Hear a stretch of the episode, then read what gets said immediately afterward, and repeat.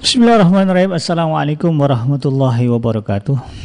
Alhamdulillahirabbil alamin. Allahumma salli ala sayyidina Muhammad wa ala ali sayyidina Muhammad.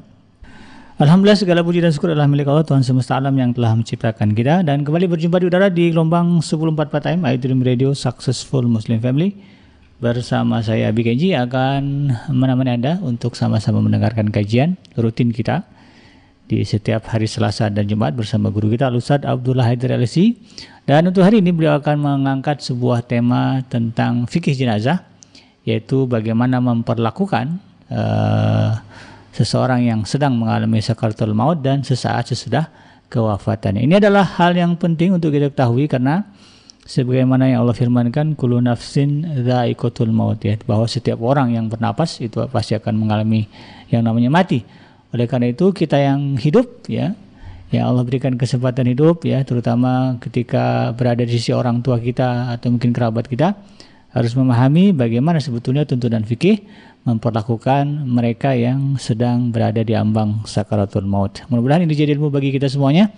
Dan untuk itu persiapkan segala halnya jika ada yang ingin ditanyakan kepada guru kita terkait dengan tema yang dibahas di kesempatan sore hari ini. Silakan Anda bisa bertanya melalui kolom komentar, diketik saja atau bisa bertanya langsung melalui nomor WhatsApp di 0822 1044. Dan uh, terima kasih jazakumullah kepada Anda yang sudah menunggu kehadiran uh, kajian ini dan juga terima kasih telah menekan tombol like dan juga subscribe-nya. Mudah-mudahan ini jadi amal soleh bagi Anda semuanya.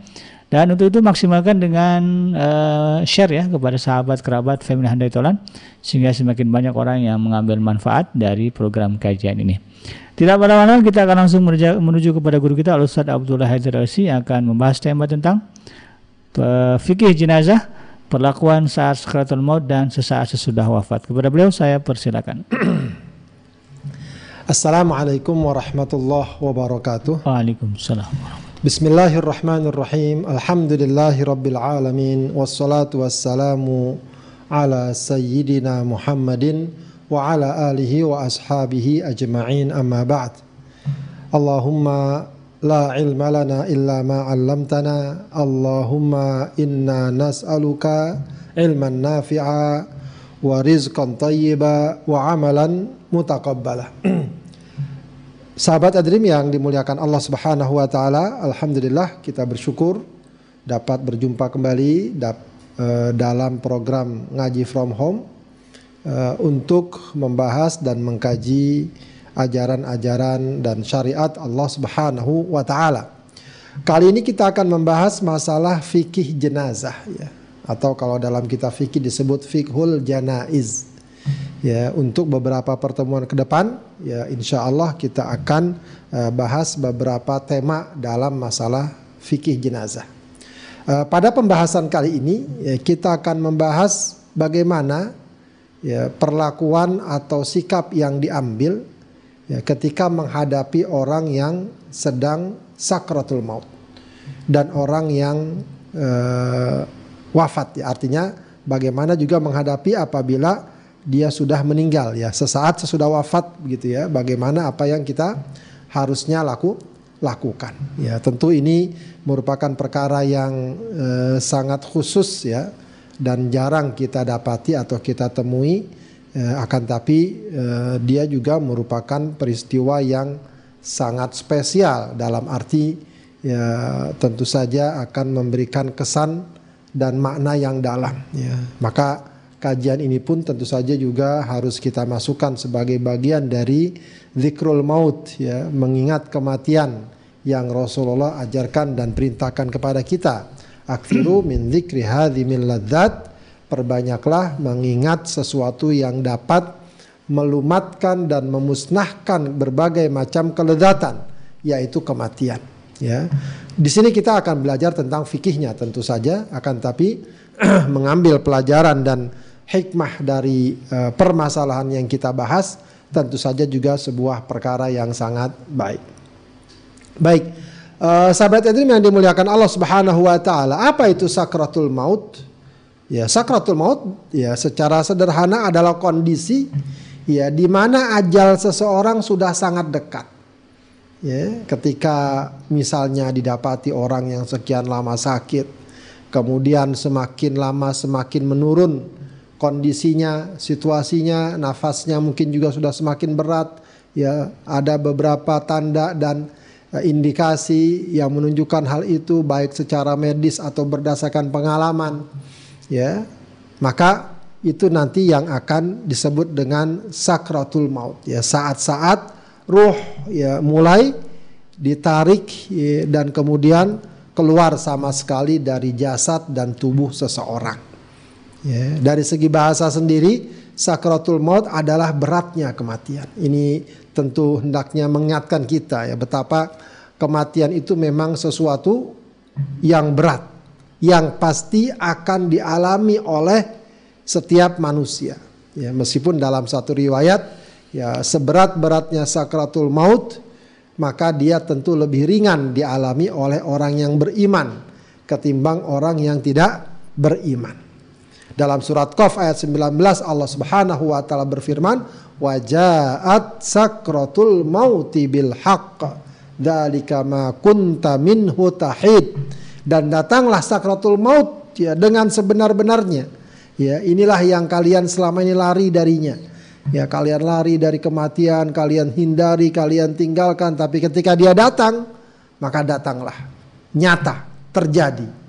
Ya, dan tentu saja hari demi hari, waktu demi waktu kita selalu mendengar kabar kematian. Ya, baik yang kita kenal ataupun yang tidak kita yang tidak kita kenal. Dan cepat atau lambat, suka atau tidak suka, ya kita akan menyusul mereka. Ya.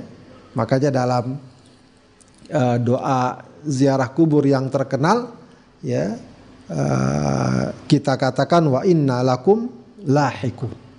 Ya, kalian kami akan menyusul kalian. kalian. Baik, ketika terjadi sakratul maut bagaimana? Apa yang hendaknya kita lakukan? Pertama, ya hendaknya orang yang sedang sakratul maut didampingi. Ya, jadi jangan ditinggalkan sendirian, didampingi. Ya, karena nanti ada satu hal yang sangat penting ya yang disebut dengan talqin. Paling tidak dia didampingi. Tentu saja secara manusiawi selayaknya demikian. Orang-orang yang sakratul maut tentu saja dia sedang mengalami masa-masa yang sangat berat ya, butuh orang-orang yang dekat dengannya kemudian mendampinginya, ya menangkan hatinya, ya. Eh, yang paling bagus tentu saja keluarganya. Ya, tentu saja juga orang yang kuat jiwanya, orang yang bertakwa, orang yang saleh. Ya, ya para ulama mengatakan tidak disarankan didampingi wanita. Kenapa? Karena biasa mereka nggak sabar. Ya, khawatirnya ya, malah dia yang nanti akan memberatkan orang yang sedang sakratul maut ya mungkin entah dia histeris entah dia menangis-nangis segala macam meskipun kalau seandainya ada yang mendampinginya dan dia kuat tidak mengapa ya memang butuh orang yang jiwanya kuat ya menemani seseorang yang sedang sakratul sakratul maut jadi memang tentu saja dianjurkan untuk didampingi kalau di rumah sakit dia minta izin kepada dokter kepada petugas rumah sakit untuk selalu mendampingi orang yang memang sedang mengalami keberatan seperti ini. Di rumah pun juga begi, begitu. Kemudian tentu saja dibaringkan, ya dibaringkan, ya eh, di atas alas tempat tidur dan semacamnya. Ya bagus kalau dibaringkan eh, menghadap ke arah kiblat. Ya, menghadap ke arah kiblat artinya dia apa namanya berbaring di atas pinggang kanannya, kemudian eh, badannya dan tubuhnya diarahkan ke atas ke arah kiblat. Ya, jika sulit ya nggak mengapa dibaringkan di atas pinggang kiri. Ya, jika sulit dibaringkan, ya maka ditelentangkan. Kalau ditelentangkan, usahakan ya yang menghadap ke kiblat adalah kakinya. Ya, jadi bagian kaki ke arah kiblat, bukan kepala ke arah kiblat, tapi bagian kaki, ke arah kiblat. Yang sekiranya seandainya dia duduk, dia langsung duduk menghadap kiblat, menghadap kiblat. Ya, diupayakan dicarikan tempat atau dibuatkan yang nyaman, apakah dikasih bantal sedikit dan semacamnya. Ya, itu semua kalau mungkin. Ya, kalau tidak mungkin ya apa boleh buat. Ya, ketimbang kemudian nanti akhirnya menyulitkan atau memberatkan uh, orang itu sendiri. Kemudian yang disunnahkan juga kemudian adalah ditalkinkan. ya, ditalkinkan. Talkin adalah menuntun seseorang mengu untuk mengucapkan apa yang kita ucapkan itu namanya talkin. Ya, salah satu bentuk metode pengajaran itu tal talkin. talkin. Ya, ya secara umum ini maknanya ya. Misalnya kalau bahasa Arab kita ngajar hada lalu hada dan seterusnya. Namun yang dimaksud di sini ditalkinkan adalah menuntun orang yang sedang sakratul maut untuk mengucapkan kalimat kalimat tauhid la ilaha illallah. Ya, ini sesuai dengan pesan Rasulullah sallallahu alaihi wasallam lakinu mautakum la ilaha illallah. Talkinkan. Ya, tuntunlah orang yang sedang menghadapi kematian. Jadi mauta di sini bukan orang yang sudah mati, orang yang sedang menghadapi kematian. Sakratul maut tadi maksudnya.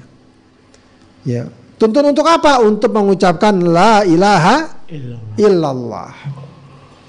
Ya.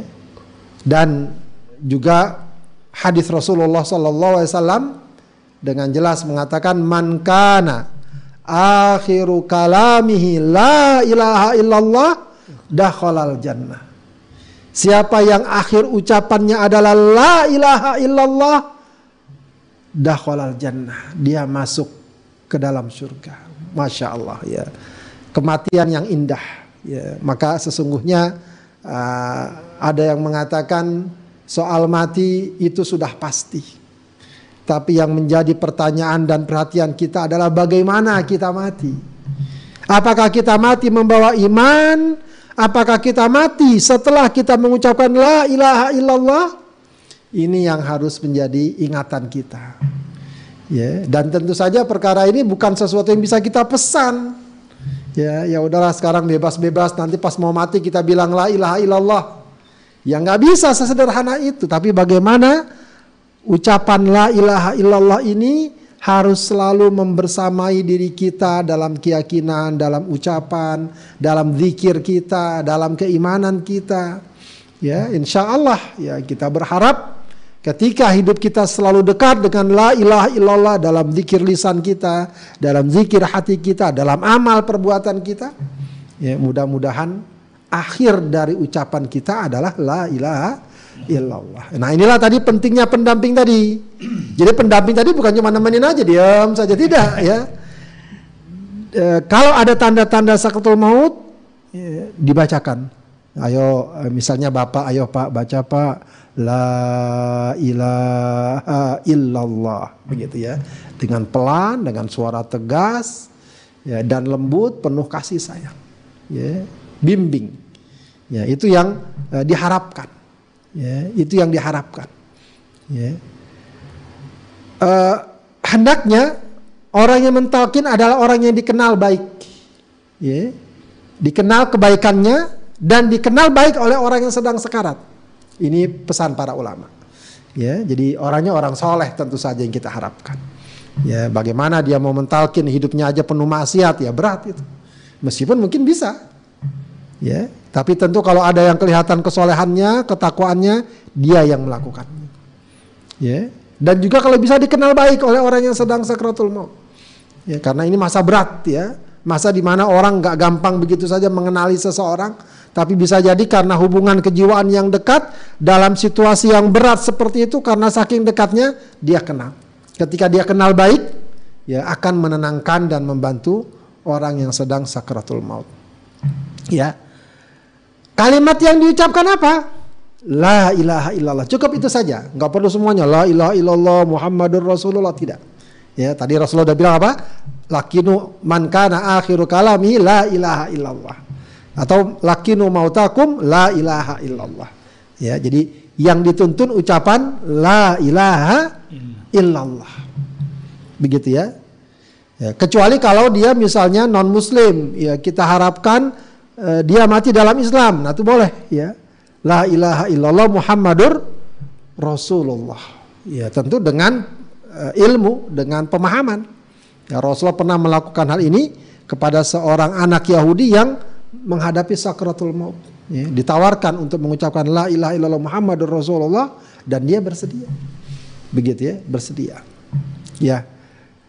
Baik ajak ucapkan dengan lemah lembut, dengan suara pelan tapi jelas. Ya. Dan kalau dia sudah mengucapkan la ilaha illallah. Ya, maka biarkan. Itu sudah sudah cukup. Jadi jangan udah ngucapin suruh ucap lagi, suruh ucap lagi berulang-ulang. Itu justru akan memberatkan. Kecuali kalau seandainya dia uh, ya maaf ngoceh lagi, ngomong ke sana kemari, maka diingatkan lagi, ayo baca la ilaha illallah. Begitu ya. Kemudian ya tentu seperti kita katakan tadi lakukan dengan penuh lembut, ya lemah lembut, ya, penuh kasih sayang, tapi suaranya jelas. Ya, suaranya jel, jelas. Jadi dengan tenang, ya jangan sampai ya ini tadi makanya dibutuhkan orang yang kuat jiwanya Ya, sebab kalau nanti dia lemah, dia sendiri histeris, ya justru akan memberatkan orang yang sedang sakratul maut. Ya, pelan-pelan penuh kasih sayang, ya. Ya, para ulama mengatakan di talqin ini lebih utama daripada dihadapkan ke arah kiblat. Kalau menghadapkan ke arah kiblat tadi uh, bisa dilihat dari situasi dan kondisinya. Di samping dalilnya lebih lebih ku, lebih kuat. Tapi jika keduanya diusahakan bagus ya. Jika bisa diarahkan ke arah kiblat dan jika bisa ditalkinkan itu bah itu bagus. Begitu ya. Ini satu hal yang penting. Kemudian termasuk ada perkara yang dianjurkan dan disunnahkan yaitu membacakan surat Yasin. Ya, jadi di antara fadilah dan keutamaan surat Yasin adalah surat yang dapat dibaca atau sunnah dibaca saat seseorang menghadapi sakratul maut ya dalam hadis riwayat Ahmad, Abu Daud, Nasir dari Ibnu Majah, Rasulullah bersabda, "Iqra'u ala mautakum Yasin." Bacakan surat Yasin terhadap orang yang sedang sekarat di antara kalian, orang yang akan menghadapi kematian di antara kalian. Ya. Itu apa yang Rasulullah pesankan ketika orang menghadapi sakarat. Mungkin yang satu ada yang mendampingi, yang lain membacakan surat Yasin kalau ada beberapa orang.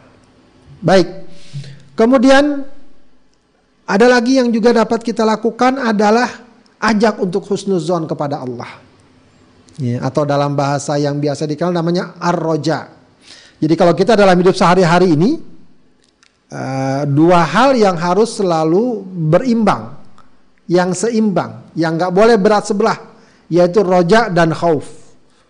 Berharap akan ampunan Allah dan takut akan azab dan siksa Allah. Itu dalam hidup normal. Ya, jadi hidup itu jangan cuma banyak berharap aja Allah Maha Pengampun, Allah Maha Pengampun sehingga dia merasa ringan berbuat dosa. Ya, itu tidak benar. Allah Maha Pengampun iya benar, tapi Allah syari'ul hisab syadidul azab.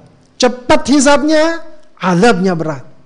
Sehingga ada khauf yang kemudian dapat ngerem dapat menahan eh, diri kita agar tidak terjerumus pada tarikan dan godaan syahwat dan hawa nafsu. Itu dalam hidup normal, tapi ketika menghadapi sakarat, ya, seseorang dianjurkan untuk lebih memiliki roja ya, atau husnudzon kepada Allah husnuzon kalau Allah maha pengampun. Sebab kalau khauf dia udah gak bisa lagi melakukan maksiat ini itu. Sudah lemah badannya. Ya. Maka yang didorong dan dikuatkan adalah husnuzonnya kepada Allah. Ah, Allah baik, Allah maha mulia, Allah maha pemaaf, Allah maha pengampun. Ya, sehingga uh, nanti akan mendorongnya untuk ya, mohon ampun kepada Allah, untuk bertaubat, untuk mengharapkan rahmat Allah. Ya, dalam hadis riwayat Muslim Rasulullah bersabda, "La yamutanna ahadukum." Janganlah di antara kalian mati illa wa huwa yuhsinu taala. Kecuali dia berbaik sangka kepada Allah Subhanahu wa taala. Ya, dalam hadis yang terkenal ya, hadis qudsi Allah berfirman, "Ana inda dhanni 'abdi bi." Aku tergantung persangkaan hambaku kepadaku. Ya jadi orang ketika sedang menghadapi sakratul maut itu diajak untuk apa? Banyak husnudzan, banyak berharap kepada Allah. Kemudian termasuk perkara yang juga dianjurkan ketika orang sedang sakratul maut atau ketika orang eh, ada tanda-tanda kehidupannya akan berakhir, ya. Maka hendaknya disampaikan kebaikan-kebaikannya dan harapan-harapan kebaikan yang akan dia dapatkan kebaikannya. Ya, sehingga tadi terbit dalam dirinya apa? Yang besar, ya harapan yang besar uh, akan rahmat dan ampunan Allah Subhanahu wa taala. Ya, dan juga agar dia nggak putus asa. Agar tidak putus asa dari, dari rahmat Allah Subhanahu wa taala. Kita katakan kepadanya engkau masya Allah rajin sholat, suka bersedekah, suka bantu orang. Ya, insya Allah semuanya akan dibalas dengan kebaikan. Ya, jangan putus asa. Ya, rahmat Allah amat luas. Ya, dan seterusnya sebutkan kebaikan-kebaikan kebaikan-kebaikannya agar dia tenang, kuat ya dan besar harapannya kepada Allah kepada Allah Subhanahu wa taala. Karena memang orang yang sedang sakratul maut orang yang sedang mengalami sesuatu yang sangat berat. Ya, yang kita tentu saja semua tidak atau belum merasakannya. Ya, tapi yang jelas kondisi mereka sangat sangat berat. Mereka butuh dorongan, motivasi, pengharapan, penghara, pengharapan. Maka sebutkan kebaikan-kebaikannya. Masya Allah, engkau ini selama ini sudah seperti ini, ini, ini dan dan ini. Maka insya Allah akan lahir apa namanya uh, optimisme Ya, dan harapan yang besar uh, kepada atau pada orang tersebut pada orang tersebut. Nah itu semua uh, perlakuan yang uh, sunnah kita lakukan ke, terhadap ya orang yang sedang sakratul sakratul maut. Ya. Kemudian kalau ternyata akhirnya uh, takdir Allah tiba, ya ajal yang telah Allah tetapkan tiba, akhirnya dia menghembuskan nafasnya yang terakhir. Ya, nyawanya keluar dari tubuhnya. Ya, akhirnya dia wafat. Ya, meninggal dunia. Ya, meskipun ini tentu saja juga uh, patut dipertegas nanti kalau bahasa sekarang mungkin butuh keterangan dokter atau butuh dipanggil dokter. Ya, apakah sudah wafat secara persis atau belum khususnya misalnya kalau di rumah sakit itu ada tandanya, ada gejalanya. Kalau di rumah mungkin juga bisa memanggil orang yang berpengalaman atau orang-orang medis yang sudah uh, mengetahui permasalahan seperti seperti ini. Maka ketika sudah dipastikan orang tersebut wafat, bagaimana yang kita lakukan? Apa perlakuan yang hendaknya kita lakukan? Ya, pertama adalah pejamkan kedua matanya dan tutup mulutnya. Ya, ini tentu saja kaitannya nanti dengan uh, apa namanya uh, mandor atau uh, uh, apa uh, kondisi penampilan ya.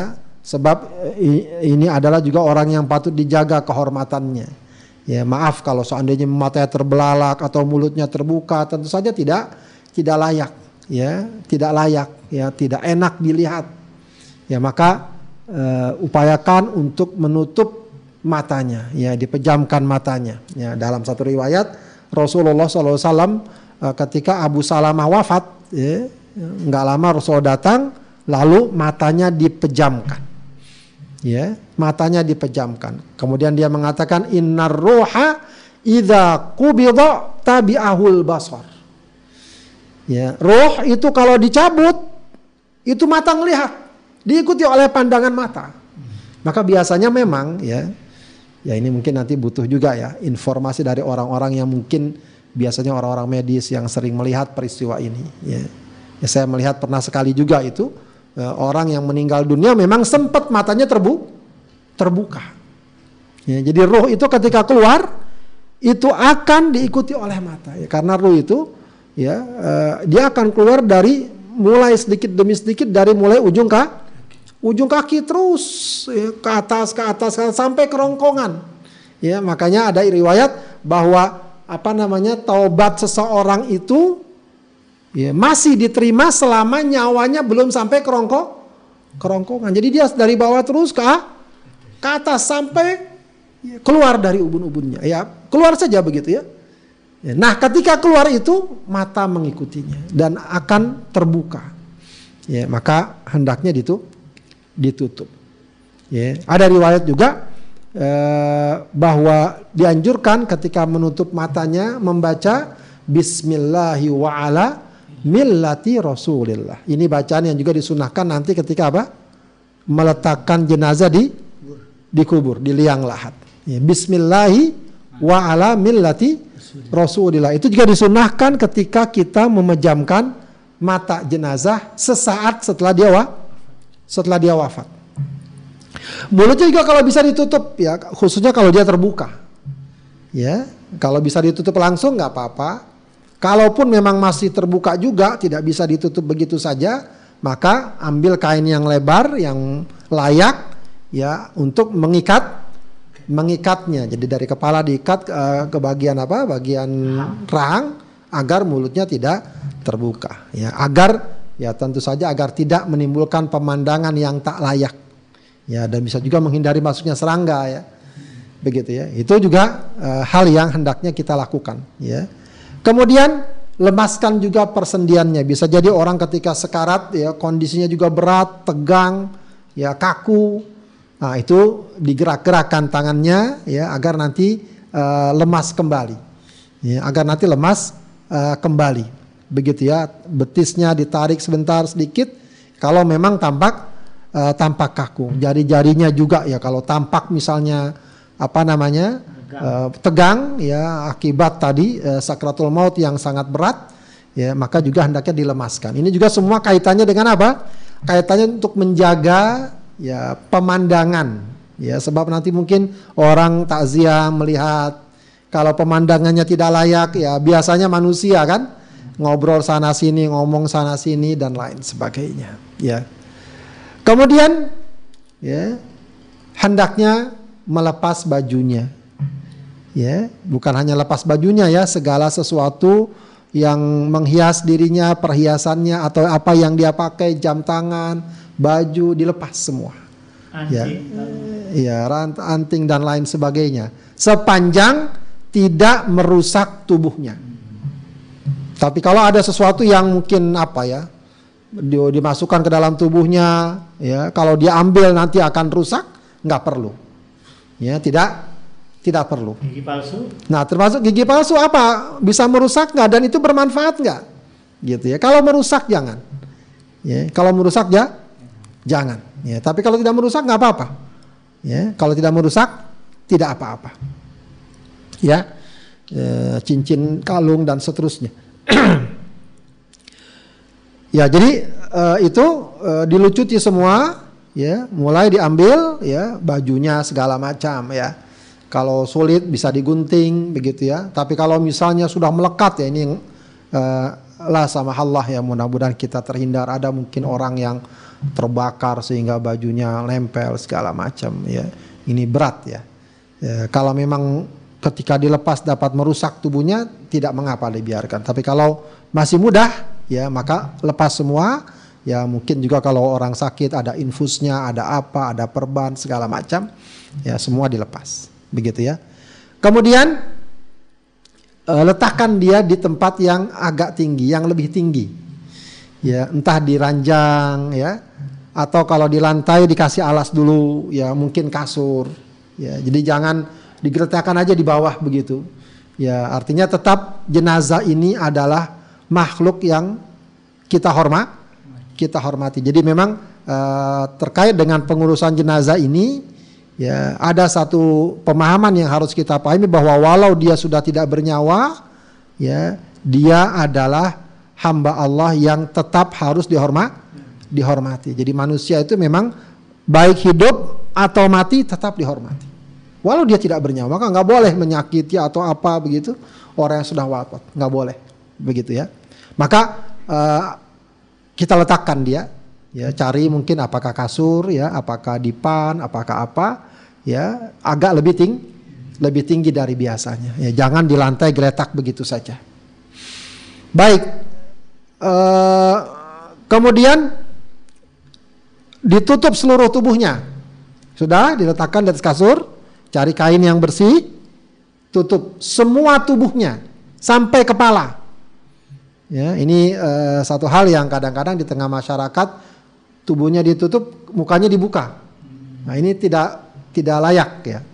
Itu memang mungkin di sebagian ajaran keyakinan begitu.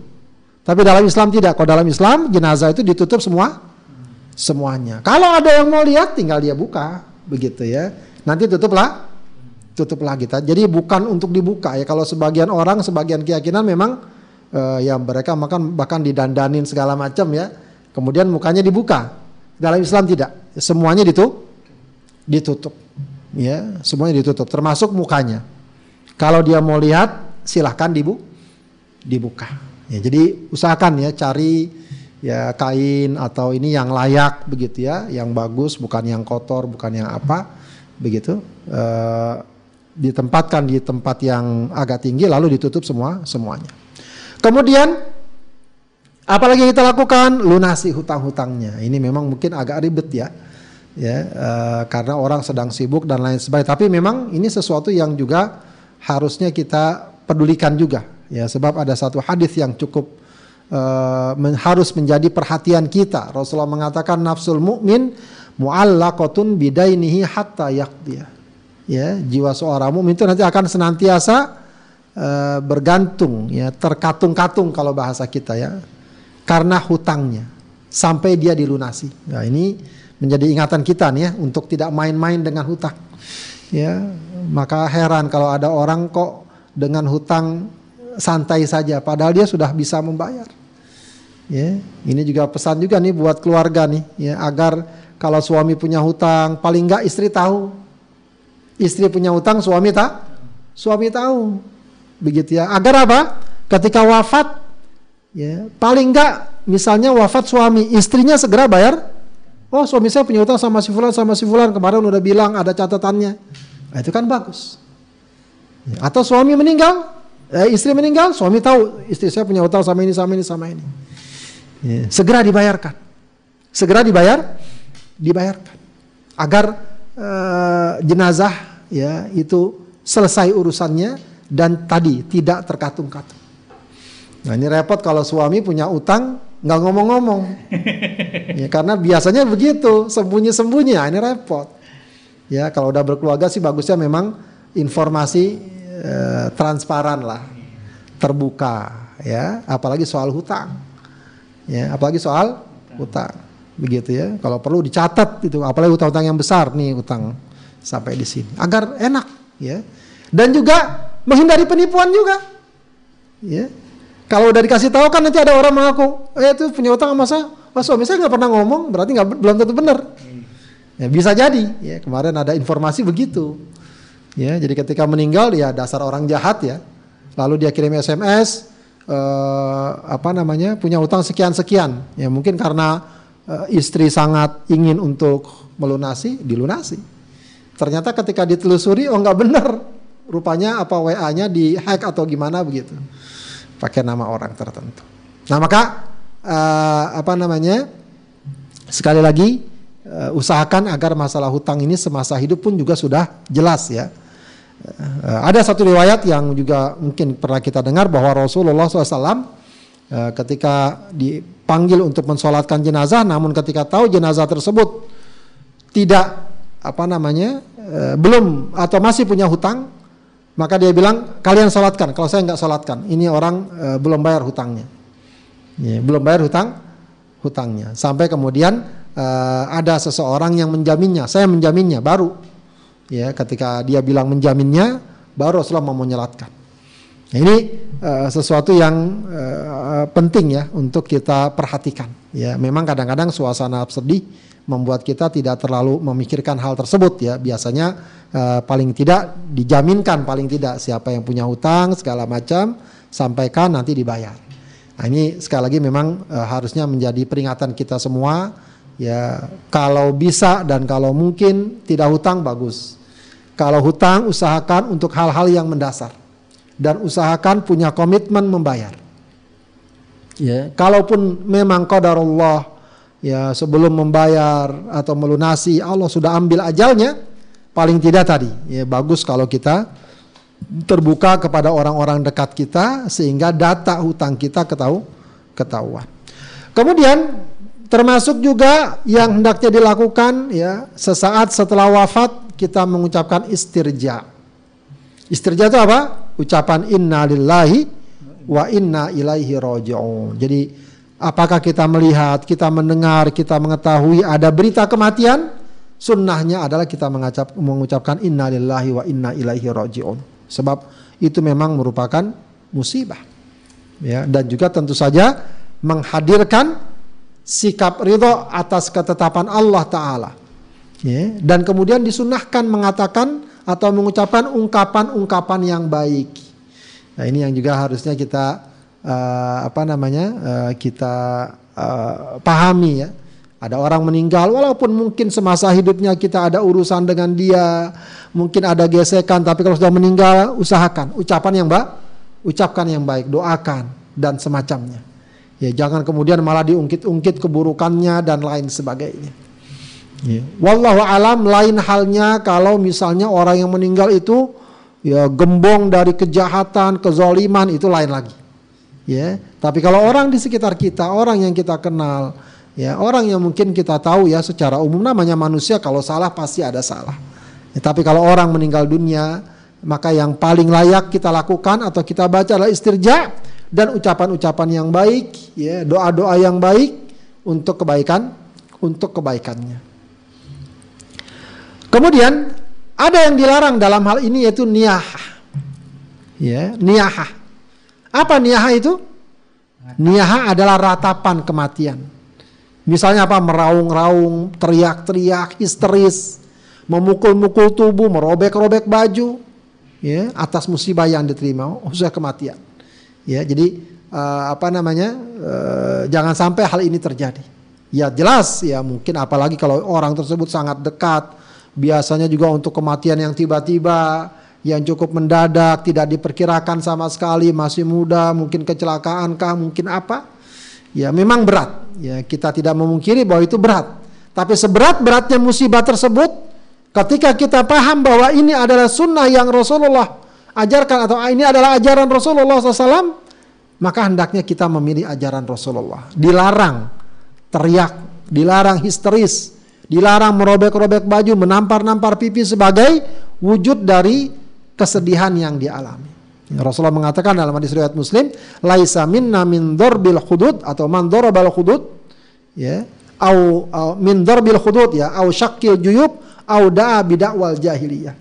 Ya, bukanlah golongan kami orang atau bukanlah golongan kami uh, mukul-mukul pipi ya, kemudian merobek baju atau ya memanggil atau menyeru dengan seruan jahiliyah. Entah dia bicara apa. Apalagi kalau sampai menuduh Allah Allah nggak adil Allah jahat Allah zalim. Nah itu nggak boleh itu ya. sesuatu yang harus dihindari.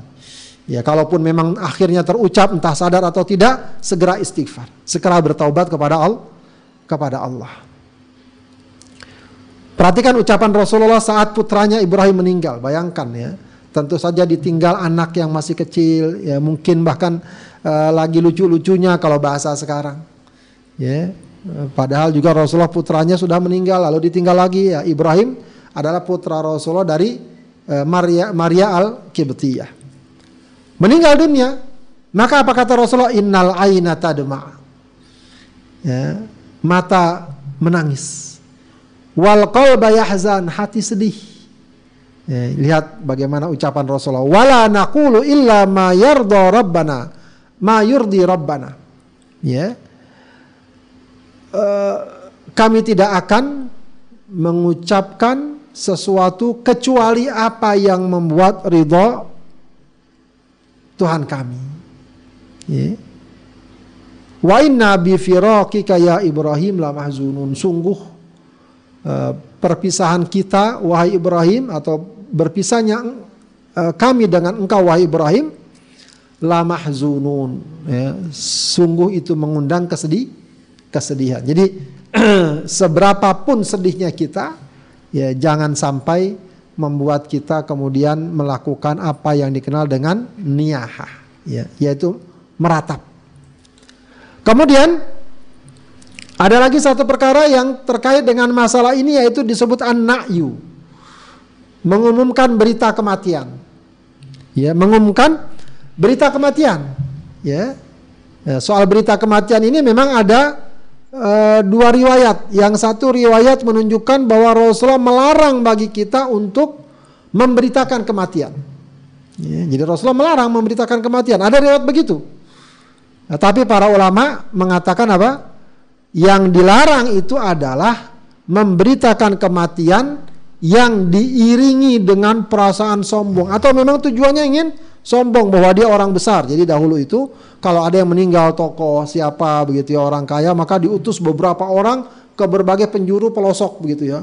Si fulan meninggal, si fulan meninggal, si fulan meninggal sekedar untuk apa?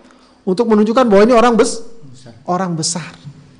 Ya, ini orang hebat, ini orang apa begitu. Begitu ya.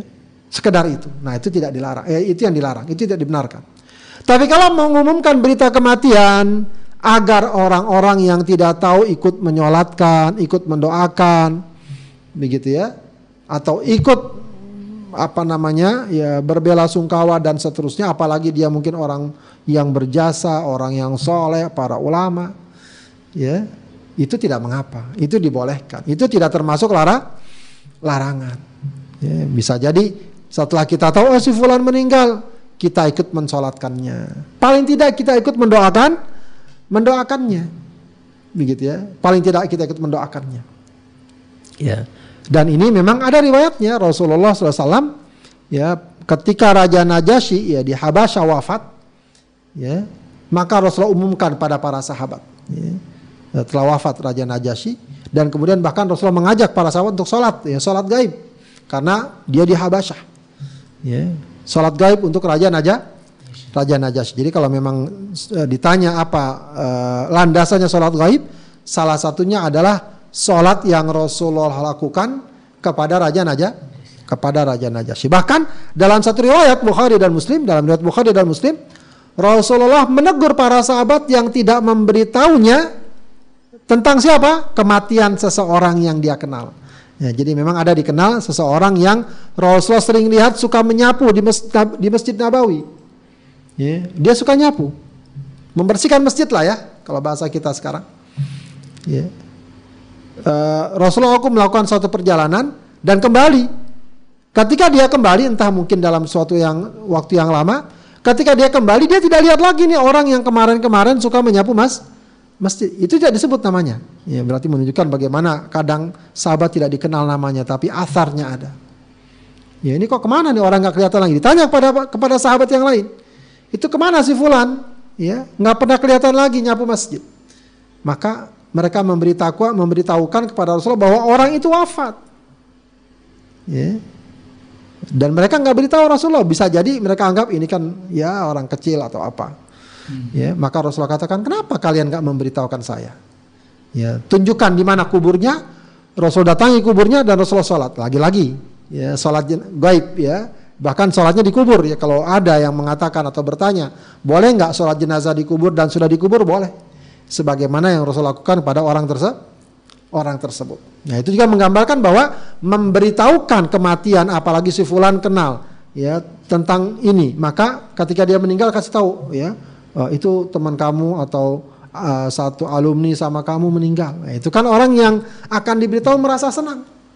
Ya, tapi kalau dia nggak diberitahu, padahal temennya tahu, ya bahwa si fulan meninggal, orang itu dekat dengan dia, ya mestinya orang akan marah. Kenapa kok saya nggak dikasih tahu? Si fulan meninggal dan engkau tahu bahwa dia dekat sama saya. Ya ini eh, permasalahan mengumumkan berita kematian secara umum dibolehkan. Ya, kalaupun ada riwayat yang melarangnya, itu mengumumkan berita kematian dengan penuh kesombongan, ya, dengan membangga-banggakan diri, ya, tentang orang yang mati tersebut. Itu yang tentu tidak dibolehkan. Dan saya kira secara umum, ya, praktek di tengah masyarakat, walaupun kadang-kadang ada yang di masjid segala macam, ya, ya tidak mengapa. Itu bukan termasuk bagian yang yang dilarang. Wallahu alam bisawab. Eh, sahabat Adrim yang dimuliakan Allah itu uh, beberapa poin ya tentang uh, bagaimana sikap kita ketika menghadapi orang yang sakratul maut dan ketika menghadapi orang yang baru saja wa, wafat. Ya, insya Allah nanti akan kita lanjutkan uh, terkait bagaimana uh, pengurusan jenazah, ya, pemulasaran dan lain sebagainya. Uh, insya Allah pada pertemuan berikutnya saya cukupkan. Assalamualaikum warahmatullahi wabarakatuh. Waalaikumsalam warahmatullahi wabarakatuh. kita ucapkan uh, jazakumullah kepada guru kita Ustaz Abdullah Haidar Alsi yang sudah membahas tema di kesempatan uh, petang hari ini yaitu fikih jenazah bagian pertama. Jadi insya Allah nanti ada bagian kedua ketiganya begitu terkait dengan fikih jenazah. Dan untuk hari ini tema yang diangkat adalah perlakuan saat sakaratul maut dan sesaat sesudah wafat.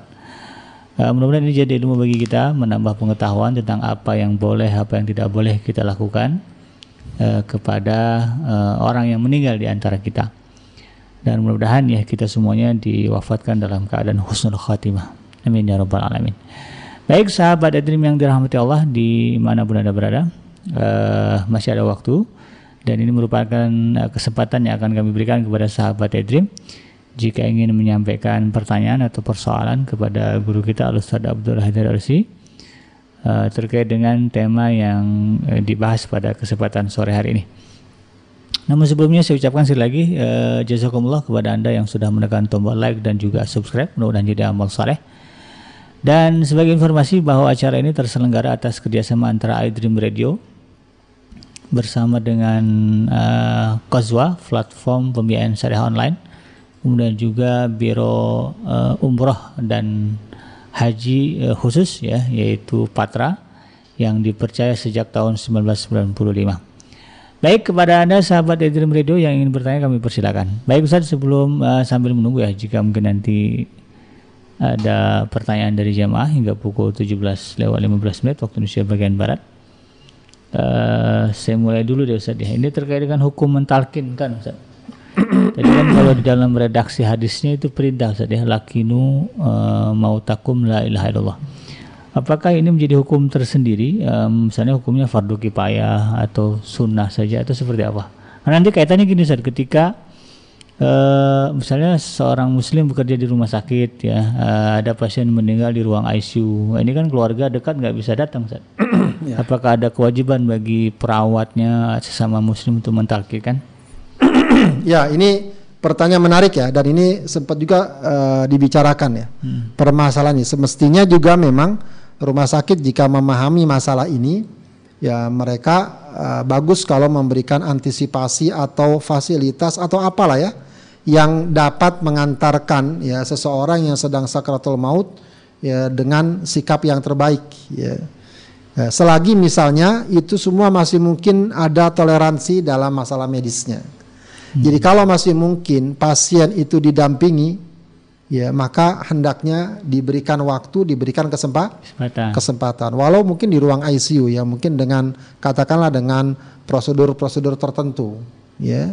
E, jadi kalau masih bisa didampingi, hendaknya didampingi. Kalaupun tidak, ya bagaimana caranya? Apakah perawat yang mendampinginya ya, untuk e, apa namanya e, mendampinginya, mendampingi pasien tersebut? Kalau pakai ya. telepon, Ustaz? Kalau masih mungkin bisa bagus ya. Tapi saya kira nggak nggak kebayang orang yang sekarat di eh, apa namanya didampingi dengan uh, video call dan lain sebagainya. Tapi kalau memang bisa nggak masalah. Ya itu yang hal-hal yang minimal yang paling mung. Soalnya saya pernah lihat itu di eh, kasusnya di Malaysia itu. Jadi uh, hmm. ada ibu yang meninggal COVID kan, uh, hmm. prosedur kan keluarga nggak bisa masuk ya. ke dalam. Hmm. Akhirnya uh, keluarganya minta tuh ke ya perawat tolong video call kan kami untuk ah. mentalkinkan itu boleh nggak Boleh bagus ya kalau memang itu yang paling mungkin lakukan. Meskipun kalau dia bisa datang langsung tentu lebih utama. Hmm. Ya katakanlah misalnya uh, bisa tapi harus pakai APD ya nggak apa-apa, iya. gitu ya. Kalau memang itu bisa dilaku ya, dilakukan. Ya biasanya memang kadang-kadang kalau udah ruang ICU serba terbatas begitu ya. Kalau masih mungkin lakukan lakukan begitu ya. Ya jadi ini memang bagus juga ini menjadi bahan pertimbangan ya rumah sakit untuk memperhatikan masalah ini. Iya. Sebab ini kon apa uh, momen-momen terakhir yang juga hmm. akan sangat ya tadi spesial tadi begitu ya kalau seandainya dapat dilalui dengan sebaik-baiknya setidaknya akan uh, ya meringankan ya, keluarga yang ditinggal bahwa alhamdulillah sudah didampingi, sudah dibacakan talqin ya itu sesuatu yang sangat bagus sekali. Atau harusnya rumah sakit bikin staf khusus. Mestinya bagus begitu ya. ya. Soalnya kalau di rumah sakit Islam yang ya. saya tahu uh, yang di bawah Muhammadiyah itu ada bin roh namanya. Uh, uh, itu bagus. Jadi ada, mereka mempersiapkan khusus untuk ya. orang-orang yang sakit. Uh, ya. Jadi didatangkan ke ruangan ya. pasien itu lalu ya, di, hanya dia yang diizinkan karena ya. kalau keluarga nggak boleh kan susah juga. Iya betul. Nah, itu bagus juga tuh. Itu ide seperti bagus ya. Hmm. Eh, mendampingi atau binro itu kan biasa juga mereka memang datangi orang-orang sakit kan yang Iya. masih segar pun didatangi, Iya, dinasihati. akan bimbingan. Ya, ya. Dan itu jika digunakan untuk mendampingi orang yang sakit, wah sangat bagus. Orang yang sakratul maut itu sangat bagus. Ya, itu termasuk salah satu hal yang bisa dilakukan. Soalnya saya pernah kerja jadi Ustaz. Masya Alhamdulillah. Eh, jadi ngerasain lah ya momen-momen seperti itu. Baik Ustaz. Kemudian untuk eh, tadi kan ada kalimat bahwa sebaiknya yang mentalkinkan ini orang yang dikenal Ustaz. Ya, Nah, dikenal baik. Nah, ini konteksnya keluarga apa sahabat Ustaz? siapa saja. Jadi nggak ya memang yang paling utama tentu keluarga ya. Pasangan lah. Ya, pasangan tuh siapa pun nggak nggak Tapi kalau kita tahu nih kalau lagi hidupnya berantem mulu sama pasangannya. Ya ya kalau memang kalau ya kalau berantem suami istri kadang-kadang berantem biasa berantem yang wajar gitu ya Iya. Oh, marah segala macam biasanya kalau udah kayak gitu kan suasana hati berbeda Iya. ya saling sayang atau apa tapi kalau memang ya lagi ribut beneran ya jangan juga gitu kalau lagi ribut beneran ya ternyata perceraian misalnya ya kan. perceraian itu Ah. bisa jadi akan malah mengubah suasana Iya. jadi ini. Tapi kalau memang selama ini ya perjalanan suami istrinya bagus ya walaupun kadang ada lah gesekan itu tidak mengapa. Begitu ya. Yang bagus memang tadi cari orang yang kuat jiwanya, orang yang soleh, Nah, dekat ya, dengan eh, dekat si- dengan calon apa, ya, si iya, lagi itu semua yang ideal ya. Kalau enggak yang ada tentu. Ya mungkin nggak dikenal nggak apa-apa. Yang penting kan talkinnya, gitu ya. Jadi nggak mesti keluarga Ustaz ya. Ya, nggak mesti. Siapa saja yang penting eh, ya sebisa mungkin yang terbaik lah ya kita hadapkan. Nah kemudian untuk ini Ustaz, eh, ini dalam konteks kadang-kadang kan ada orang yang se- eh, eh, sebelum wafat itu kan kondisinya sakit. Nah ada m- mungkin sebagian orang yang merasa eh, tidak tahan lagi nih saat menghadapi sakit. Keluarga juga sudah sudah lama misalnya nih eh, menghadapi pa- pasien ini saat eh, dengan kondisi uang habis-habisan tapi kayaknya kes- kesembuhannya se- tidak terlalu besar persentasenya.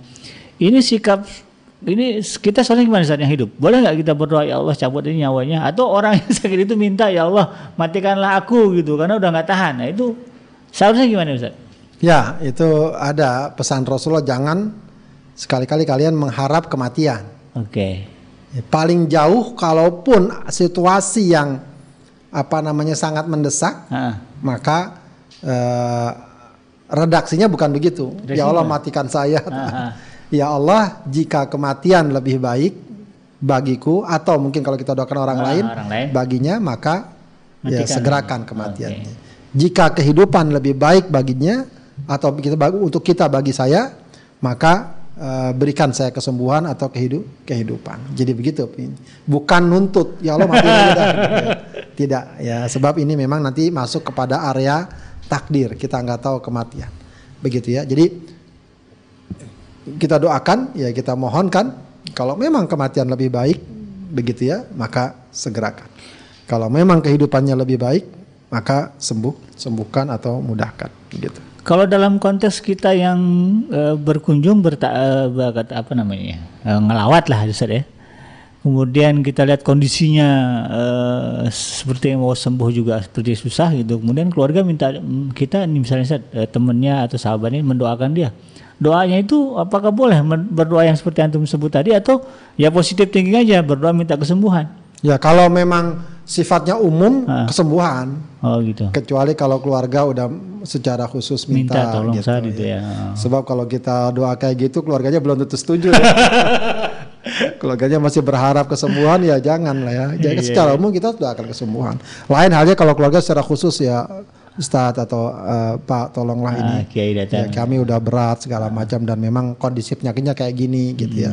Bisa saja ya, Hmm. Eh, diminta didoakan agar yang terbaik diberikan. Oh. Gitu. Jadi agar diberikan yang terbaik Baik. yang terbaik keluarga sudah ridho segala macam begitu ya kalau memang keluarga menyatakan begitu ya tidak mengapa Oke, Gitu ya. baik baik. Kemudian untuk eh, kalimat talqin tadi Ustaz, ini kadang-kadang kan orang ke eh, ada dua tiga orang tuh. Wah, itu rame tuh, yang satu la ilaha yang satu juga. Sebaiknya gimana Ustaz? Cukup Ya, jangan. diwakilkan kepada Cukup satu, satu orang. orang saja Oh, itu pun bukan dari jauh dekati dia di telinganya, telinganya.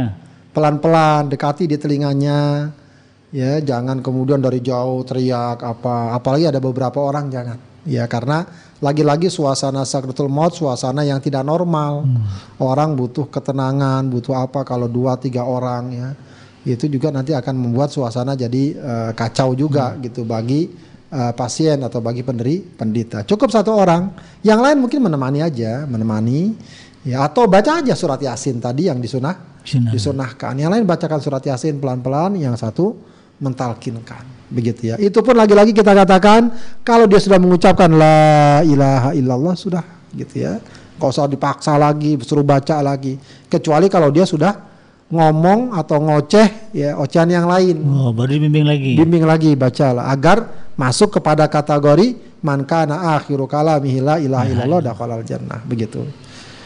Oh, jadi bukan eh, di, di telinganya terus sampai dia meninggal la ilaha illallah. Bukan Ustaz, ya? tidak, tidak seperti itu. Oke. Begitu ya. Oke. Asal ada isyarat dari gerak bibirnya mungkin kan. Eh, Ya. Tapi kadang-kadang kan ada juga Ustaz orang yang menjelang sakaratul mautnya kan dia hanya terdek- terdeteksi melalui alat begitu Ustaz. Hmm. Eh, kita yang sehat eh, keluarga tidak bisa memastikan apakah dia mengucap bisa mengucapkan atau tidak.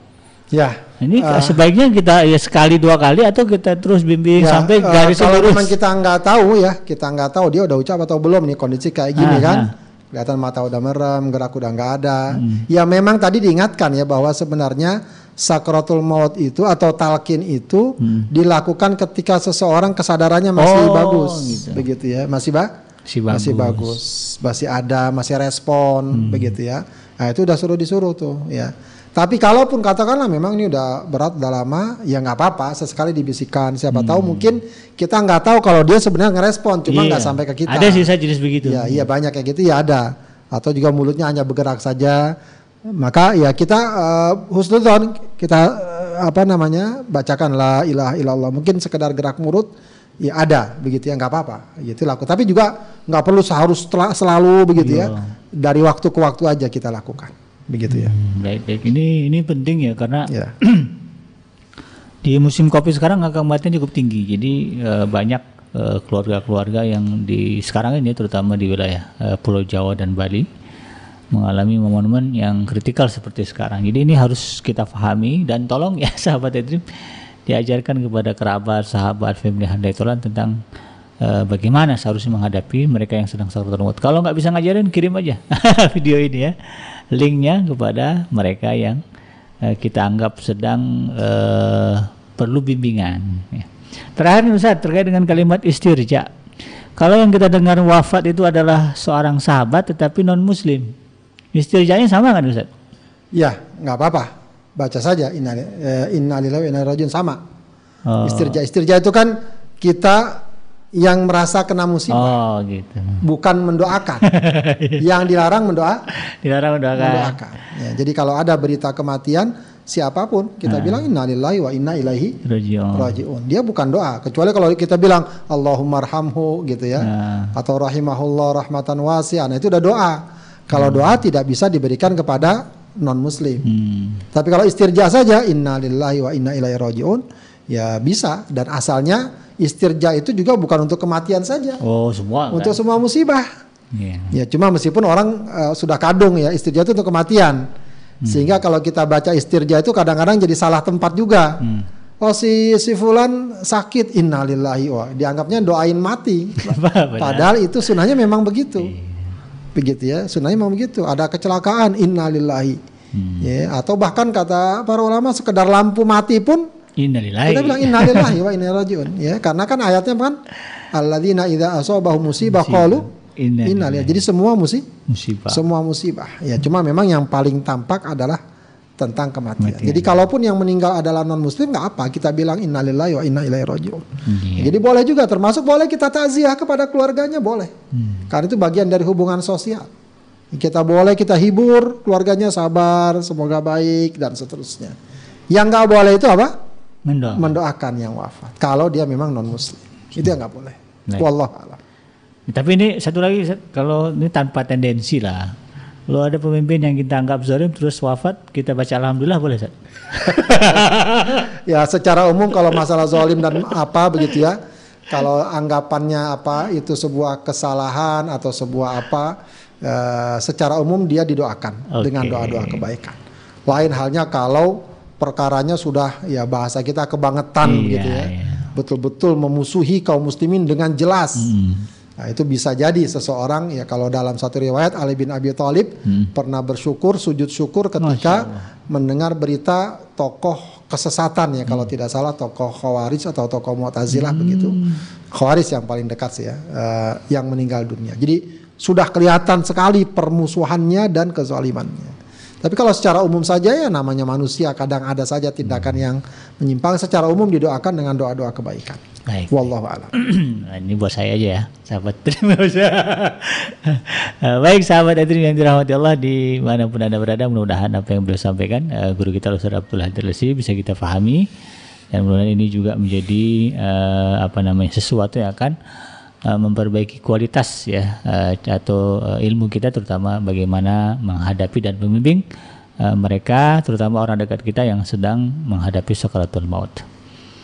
Kita memperlakukan demikian, insya Allah juga akan nanti akan ada orang yang memperlakukan kita seperti itu, ya. Artinya bagaimana kita menyikapi mereka yang sudah meninggal dengan kebaikan-kebaikan, ya mudah-mudahan ya kita juga begitu sakaratul maut ada yang datang mendampingi kita, membantu kita. Baik Ustaz, e, waktunya sudah habis. E, sebelum ditutup, mohon memberikan closing statement dulu kepada sahabat Aidilum sekalian. Baik, sahabat Dream yang dimuliakan Allah Subhanahu wa taala, ya sekali lagi memang eh, peristiwa menemani orang yang sakratul maut, kemudian memperlakukan orang yang baru saja wafat ini peristiwa yang mungkin jarang sekali kita hadapi ya. Bisa jadi sekali-sekali saja kita Tapi- akan tapi ketika itu terjadi pada orang-orang dekat kita maka eh, sangat indah sekali kalau seandainya kita yang langsung eh, melakukannya langsung, ya menanganinya langsung, dan kalau dengan ilmu yang kita miliki, insya Allah akan lebih ba lebih baik. Ya, maka ya tentu saja perkara ini juga termasuk yang layak untuk kita ketahui. Wallahu alam bisawab. Assalamualaikum warahmatullahi wabarakatuh. Waalaikumsalam warahmatullahi wabarakatuh. Demikian sahabat Adrim yang dirahmati Allah di mana pun anda berada, tuntas sudah kebersamaan kita dalam program ngaji from home bersama guru kita Ustaz Abdul Hadir yang sudah membahas tema tentang fikih jenazah bagian pertama tentang perlakuan saat sakaratul maut dan saat sesudah wafat. Saya bikin jadi pamit untuk dari ruang dengar Anda. Mohon maaf atas segala kekhilafan dan kekurangan. Subhanaka Allahumma rabbana wa bihamdika asyhadu an la ilaha illa anta astaghfiruka wa atubu ilaik. Walhamdulillahirabbil alamin. Wassalamualaikum warahmatullahi wabarakatuh. Waalaikumsalam.